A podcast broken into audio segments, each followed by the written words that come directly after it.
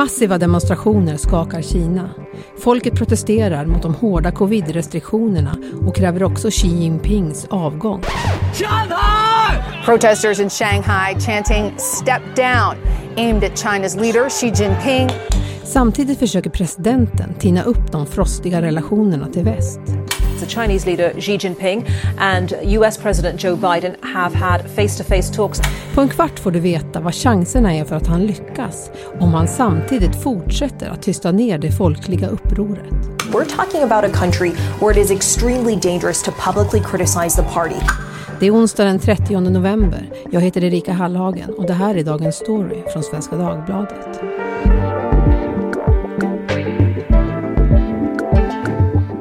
Therese Larsson Hultin, utrikesanalytiker här på Svenska Dagbladet. Hur väntat, eller oväntat skulle du säga att det som händer i Kina just nu är? Jo men det är väldigt oväntat. Eh, den här typen av protester är vi inte vana vid att se i Kina. Samtidigt kanske det inte är så konstigt med tanke på vad befolkningen har varit med om de senaste tre åren av total nolltolerans mot covid. Eh, men med det sagt alltså väldigt oväntat.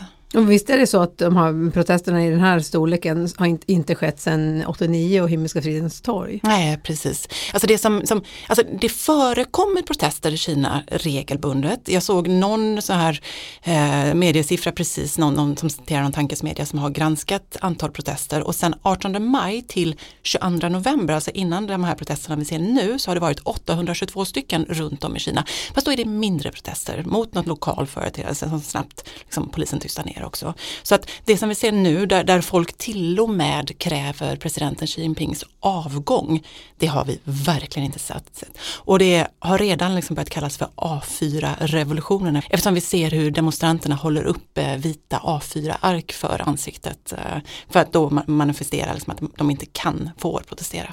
V vad var det som fick bägaren att rinna över den här gången? Ja, men det var ju den här eh, branden som bröt ut förra veckan i eh, Xinjiang i en stad som heter Urumqi, tror jag man uttalar det. Eh, eller säkert inte, men ja. Eh, och där tio människor dog i ett eh, flerfamiljshus som började brinna och där man då sa att de inte kunde ta sig ut på grund av covid-nedstängningarna. Eh, och sen så spred sig de protesterna, så nu ser vi dem över hela landet, i stora städer framförallt, till och med i Hongkong. Och, och, visst har protesterna övergått från att handla om nedstängningar till, till mer? Ja men det som jag var inne på i början där, det här är liksom, det, man har gått igenom mycket i Kina under de här åren. Eh, och Dessutom så har eh, landet under Xi Jinping sedan han kom till makten för tio år sedan blivit mycket mer repressivt, mycket mer eh, auktoritärt eh, med, med otroligt mycket mer övervakning och så vidare. Ehm, och, och, det här tillsammans ihop med liksom att, att Kina är rent ekonomiskt har tagit jättemycket stryk av den här eh, covid nolltoleranspolitiken eh, med företag som ligger nere. Eh, jag såg att bara 42 procent av alla biografer är öppna i Kina till exempel. Ungdomsarbetslösheten ligger liksom på 20 procent. Eh, det är ju många människor som har förlorat pengar av att sitta nedstängda, eller instängda ska vi säga. Vilket ju hundratals miljoner människor har gjort, eh, ibland i flera månader. Det är torsdag kväll och klockan är strax innan åtta när en eldsvåda bryter ut i ett våningshus i staden Urumqi i nordvästra Kina. Men brandkåren har svårt att ta sig fram och tio människor mister livet och nio skadas. The deadly fire sparked nationwide outrage because widely circulated videos, which have now been censored in China, show that COVID lockdown measures very likely delayed firefighters from getting to the scene. Filmerna visar hur entrén till bostadsområdet är avspärrat med kravallstaket och tält och hur brandkårens vattenslangar inte räcker fram. What adds to the tragedy is that those who died in the fire likely spent their last three months largely confined to that building, if not entirely. Och över hela landet anordnas nu protester mot regimen och de hårda covid-restriktionerna. Folkmassorna riktar sig direkt till presidenten och ropar avgå trots att hundratals poliser i signalgula västar står redo att arrestera dem. Elden är släckt, men inte folkets vrede.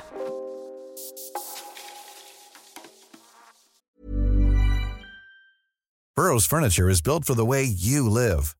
From ensuring easy assembly and disassembly to honoring highly requested new colors for their award-winning seating, they always have their customers in mind. Their modular seating is made out of durable materials to last and grow with you. And with Burrow, you always get fast, free shipping. Get up to 60% off during Burrow's Memorial Day sale at burrow.com slash ACAST. That's burrow.com slash ACAST. burrow.com slash ACAST. Samtidigt som befolkningen alltså fortfarande har hårda covid-restriktioner så har president Xi Jinping börjat resa runt i världen. Varför? Ja, men det där är ju helt nytt. För de här tre åren så har ju president Xi då också hållit sig på hemmaplan. Han har haft videomöten i viss mån men inte träffat någon. Ehm, först ut så träffade han, eh, han var i Uzbekistan i september och träffade bland annat Putin där. Ehm, och sen så var han på Bali och träffade president Biden och Macron och lite olika. Ehm, och, och, nu så reser folk och ska och har rest till Peking också. Det handlar om flera saker. Eh, dels så tror jag att det handlar om att eh, eh Xi har fått en liten chock över hur Ryssland eh, liksom har blivit så totalt isolerat och har tappat liksom i status i, på världsscenen. Och det här är någonting som han inte vill se för Kina. han vill fortsätta handla med omvärlden inte minst då på grund av att den kinesiska ekonomin går rätt dåligt just nu. Ehm, så att jag tror att det handlar om att, om att eh, upprätthålla liksom Kinas position i världen eh, och det handlar om ekonomi. Mm. Eh, och, att, och, att, och att handla, att fortsätta handla. Och det här är ett stort stilbrott från vad han har ägnat sig åt de senaste tre åren. Ja men vi har ju sett ett Kina som har varit väldigt eh, tufft, inte minst retoriskt, som har liksom slagit ner mot länder som har, där man fått kritik. Eh, och det här skulle kunna vara början på lite mjukare retorik, möjligen. Eh, det vet vi såklart inte ännu, vi vet inte heller vad alla de här mötena leder till.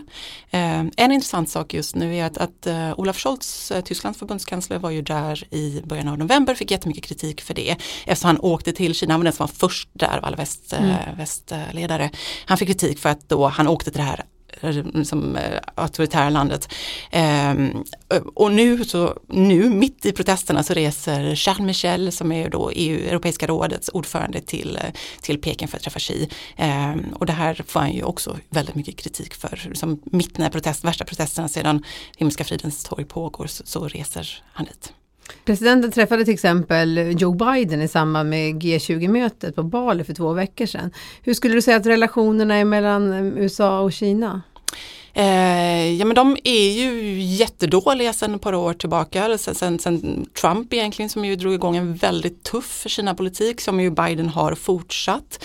Eh, men det där samtalet som då var tre och en halv timme beskrivs ändå som, som att det var ganska konstruktivt och, och det öppnade upp för en massa andra möten mellan länderna.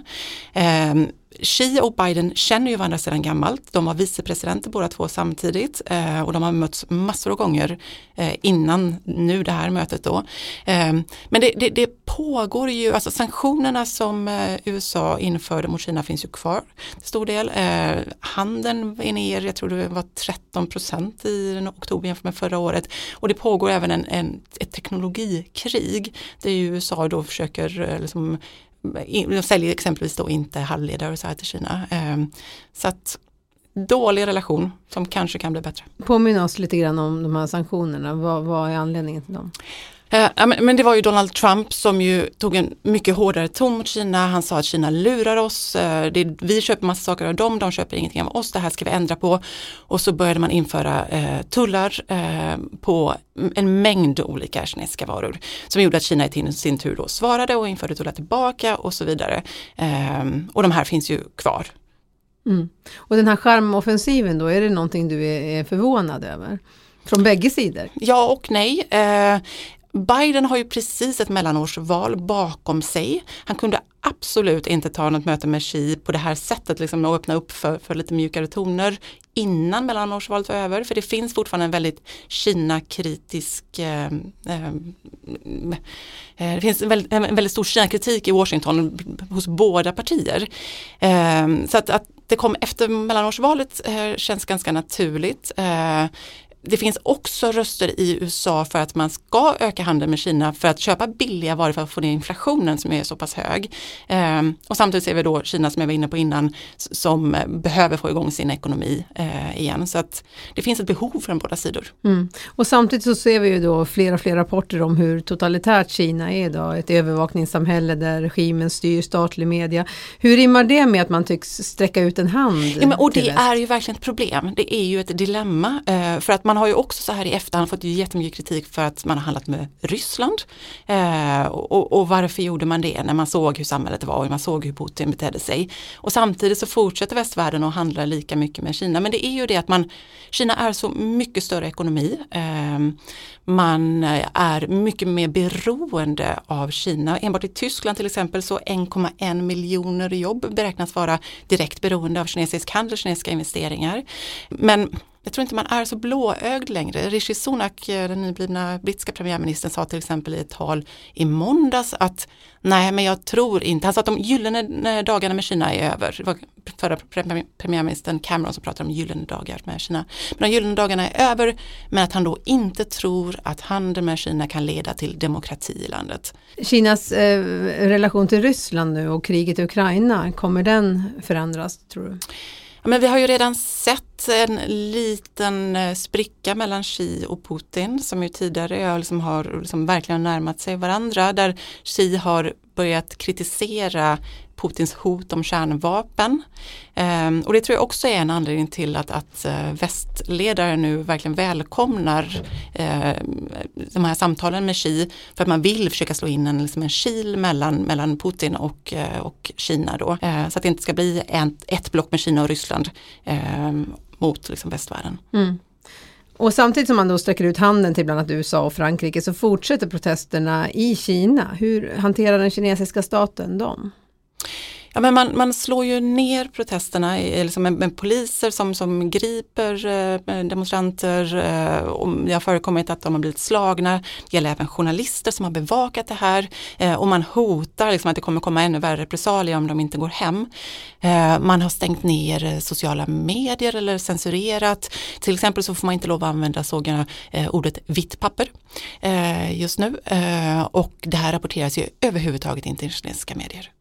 Um, och det här är ju väldigt jobbigt för, för västledare då som, som nu då Charles Michel som åker till, till Peking att göra det samtidigt. För det blir ju på något sätt som att man uh, eh, ehm, inte, liksom inte liksom ge tummen upp, men han, liksom, för Charles Michel nu så gäller det verkligen att, att kom, eh, Europeiska rådets ordförande att komma dit och, och, kritisera Kina, för det måste han göra när han är där.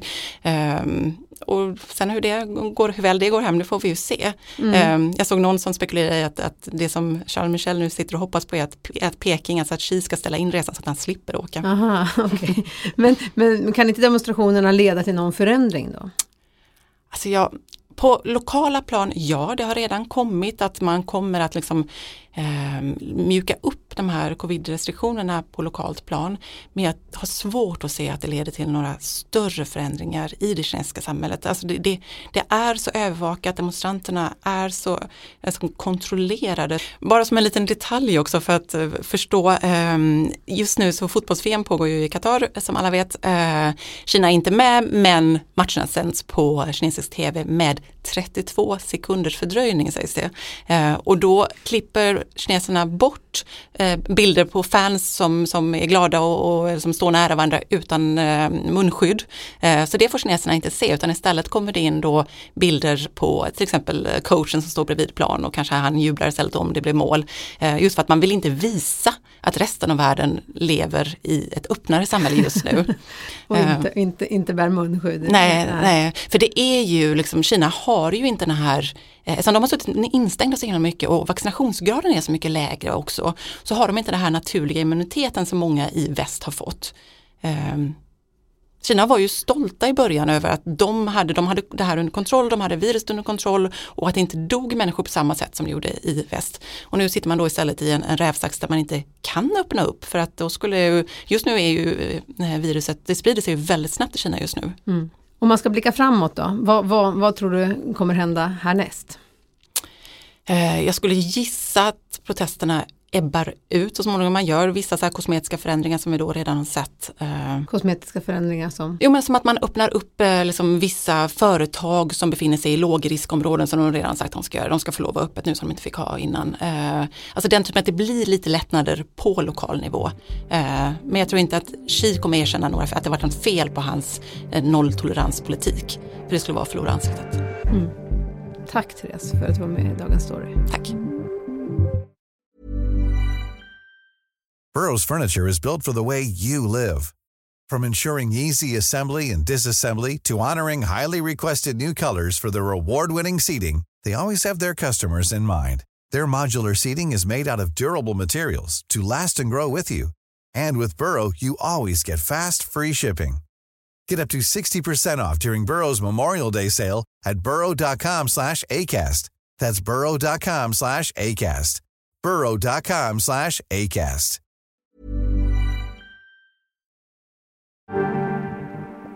Vi som gjorde programmet idag är producent Mattias Dellert, redaktör var Teresa Stenler von Matern och jag heter Erika Hallhagen. Vill du kontakta oss så mejla till dagensstory.svd.se. Ljudklippen är hämtade från CNN, Politico, SVT, BBC och Al Jazeera.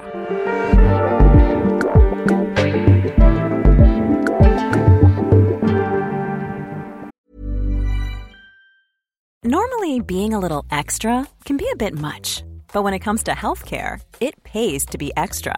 And United Healthcare makes it easy with Health Protector Guard fixed indemnity insurance plans. Underwritten by Golden Rule Insurance Company, they supplement your primary plan, helping you manage out of pocket costs without the usual requirements and restrictions like deductibles and enrollment periods. So when it comes to covering your medical bills, you can feel good about being a little extra. Visit uh1.com to find the Health Protector Guard plan for you.